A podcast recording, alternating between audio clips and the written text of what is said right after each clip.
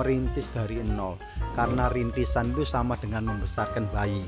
Kalau Anda tidak siap rugi, jangan berbisnis karena semakin rugi Anda semakin stres, depres dan ujung-ujungnya tinggal nama Anda. Kalau kita sudah solid bisnisnya, solid bisnisnya dari perputaran, dari secara sistem, dari the man behind the gun yang merunning semua ini sudah oke okay, dan saatnya kita berpikir expanding.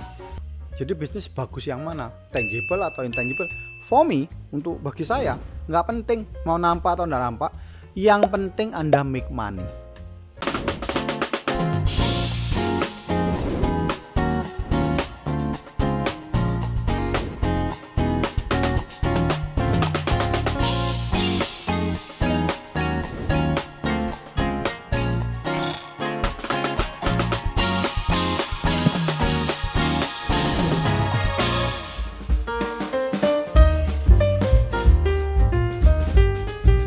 itu ada satu hukum alam yang namanya hukum relativitas.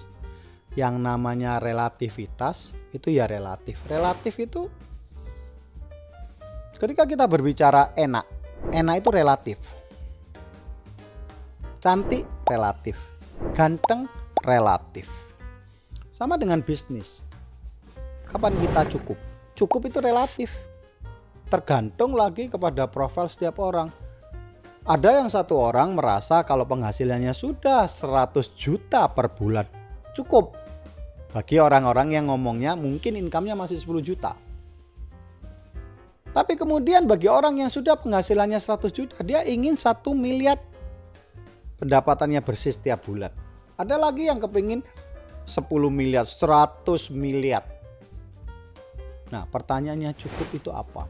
Ya kembali lagi, ini di luar bisnis. Ini kita berbicara sekali lagi mengenai cara pandang kita melihat kehidupan. Sampai kapan kita ingin mencari uang? Karena tahun 2012 saya pernah menulis buku Mama Papa Izinkan Aku Sukses, Kaya dan Bahagia. Kehidupan kita dibagi menjadi tiga fase. Fase konsumsi, artinya konsumtif. Begitu lahir sampai umur 25 tahun, yang kita selalu mengkonsumsi apa pun yang disediakan oleh orang tua kita. Kemudian fase produktif 26 sampai 50. Dan kemudian ada 50 sampai 75 fase yang ketiga menikmati hasil produktif.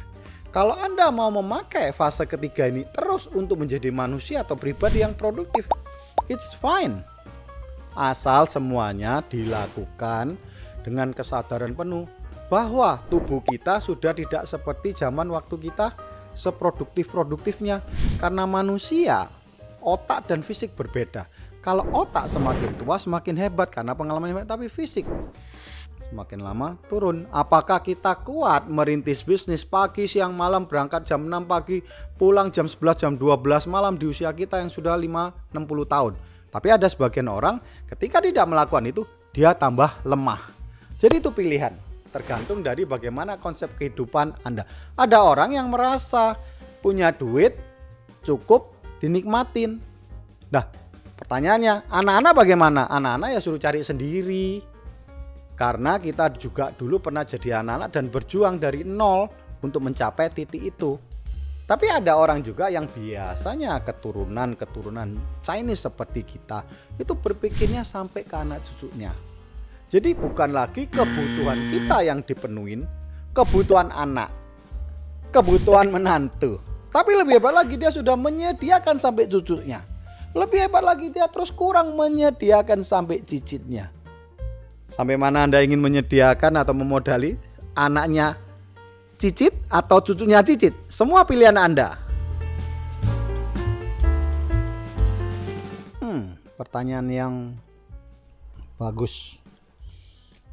Jadi begini, kita kita bisa invest atau atau kita bisa berekspansi, tidak harus merintis sendiri. Kita juga bisa menjadi investor loh. Investor banyak pilihannya. Anda bisa invest ke satu bisnis yang baru dimulai atau bisnis startup. Tapi mempunyai risiko yang cukup tinggi loh. Karena belum tentu jalan dan belum tahu bagaimana cara orang-orang merunning bisnis tersebut apakah nanti akan profit atau loss tidak tahu namanya startup Kedua, Anda bisa running, uh, Anda bisa invest ke satu perusahaan yang sudah jalan. Tapi mungkin belum besar. Kemudian Anda juga bisa invest ke satu perusahaan yang sudah running very well. Atau lebih gampangnya Anda bisa beli di bursa saham. Bisa Indonesia, bisa Singapura, bisa di mana pun. Jadi karena batasan sekarang yang sangat mudah untuk jual beli perusahaan, jadi menurut saya, tapi sekali lagi bisa disesuaikan. Ketika Anda aspa pacang berarti you ask me. Kalau saya, saya lebih senang saya beli aja di pasar modal. Kenapa? Saya tidak usah bangun pabrik karena pabrik butuh ROI, return of investment minimal kalau manufacturing ya 10 tahun misalkan. Kemudian dalam 10 tahun ini memastikan apakah jaringan penjualan kita kuat, sistem SDM kita ini bagus atau tidak, sistem produksi, teknologi, IT-nya semua. I think it's very complicated. Jadi semua tergantung dari profil masing-masing. Kembali lagi kalau Anda bertanya kepada saya, saya lebih baik beli saham perusahaan-perusahaan yang sudah berhasil membagikan dividen bertahun-tahun. Berarti perusahaan pasti untung punya ya kan? Investkan aja di situ. Menurut saya seperti itu. Tapi sekali lagi semua bisnis mempunyai risiko termasuk membeli saham di bursa saham. Maka itu belinya jangan ikut-ikutan. Anda harus mengetahui persis perusahaan apa yang Anda beli satu. Kedua berapa nilai wajarnya perusahaan itu. Jangan-jangan pas ketika harga tinggi-tingginya di pojok gunung Anda beli dan tahu-tahu turun Anda jual. Kan kebalik-kebalik harusnya beli murah jual tinggi. Tapi banyak orang ketika beli saham di pasar modal beli tinggi jual murah atau yang ketiga yang namanya invest. Anda harus perhatikan uangnya ini benar-benar dianggap uang yang tidak Anda perlukan. Artinya, ketika Anda memiliki perusahaan anggaplah itu Anda sudah men, men, mendapat dividen dari perusahaan itu, lah itu boleh Anda investkan.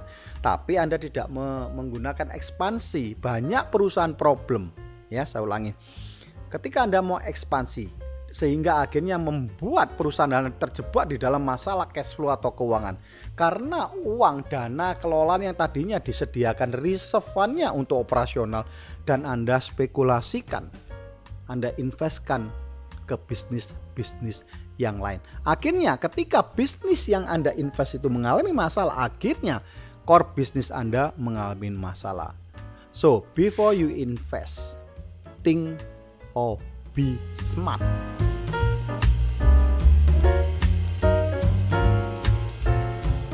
Kenapa banyak orang rugi ketika berinvestasi di pasar saham? Padahal kalau mau cari uang ya di bursa saham, bukan dapat uang malah dapat rugi atau loss. Jadi begini menurut saya.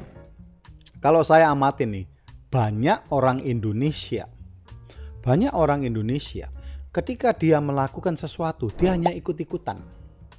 Tanpa dia mengetahui esensi dari apa yang dilakukan. Contohnya nih begini. Sebelum musim sepeda, itu musim lari. Orang ikut maraton di mana-mana, lari, lari, lari. Ya mulai kecil nih kita nggak usah les, nggak usah manggil coach, kita juga pasti bisa lari, bener nggak sih? Tapi apakah Anda sudah bisa berlari dengan benar? Sprint atau maraton, semua ilmunya lain-lain. Jangan-jangan kita salah. Ketika lihat badannya temennya kita gede, kita kepingin ikutan gede. Tapi sebetulnya kita ingin jadi pemain maraton, eh penyanyi pelari maraton kan salah. Karena pelari maraton tidak boleh punya otot besar. Karena otot besar itu dibutuhkan untuk seorang sprinter. Contohnya seperti itu. Kemudian sepeda ikut-ikutan. Anda kepinginnya naik gunung, tapi kelihatan wah keren ya road bike. Anda akhirnya beli road bike, dipakai di gunung atau sebaliknya beli mountain bike Anda pakai di jalan. Jadi harus kita paham. Banyak orang rugi di pasar saham karena ikut-ikutan. Jadi ketika Anda investasi, pelajarin benar-benar profilnya terlebih dahulu. Menurut saya, menurut Papa Cang, kalau Anda suka nih, misalkan suka telekomunikasi, belilah perusahaan telekomunikasi karena ketika Anda mempelajari dan apa pun telan, tentang telekomunikasi dengan perkembangannya Anda paham. Jadi tidak perlu belajar lagi tentang eh, telekomunikasi atau IT. Kemudian dilihat banyak di bursa saham itu. Ada wah mungkin 700 700 uh, emiten atau perusahaan yang siap perusahaannya Anda beli. Kemudian Anda lihat dari perusahaan ini ada yang namanya satu blue chip. Ya, perusahaan blue chip itu ya kapitalisasinya di atas 5 triliun. Ada second liner. Ada yang third liner. Nah, silakan Anda pilih. Saya tidak tahu mana yang lebih bagus. Tapi tentunya tidak serta-merta blue chip itu harganya wajar harga wajar itu waduh banyak sekali perhitungannya. Kira-kira nilai bukunya uh, atau price earning uh, rasionya book value-nya Anda hitung benar-benar sehingga keluar harga wajar. Misalkan Anda beli harga wajar ini misalkan nih satu perusahaan telekomunikasi harga wajarnya misalkan 3000 dan kemudian Anda baru mengenal diajak temanan wih beli nih perusahaan ini lagi bagus-bagusnya sudah di posisi 5500 6000 apakah Anda beli Ya, tentunya Anda akan beli kalau Anda ikut-ikutan tanpa mengetahui fundamental perusahaannya, value perusahaannya, growth-nya bagaimana dan akhirnya ketika Anda beli permainan sudah selesai, kemudian sudah dia kembali ke harga wajarnya. Bahkan kadang-kadang dia kembali lagi atau turun dari harga wajar ke 2500 lah nah, jadi stres ketika stres anda nggak anda tidak mengerti takut anda jual bukannya malah untung malah buntung jadi pesan Papa Chang, apa pun yang Anda lakukan, belajarin lebih detail. Itu kuncinya.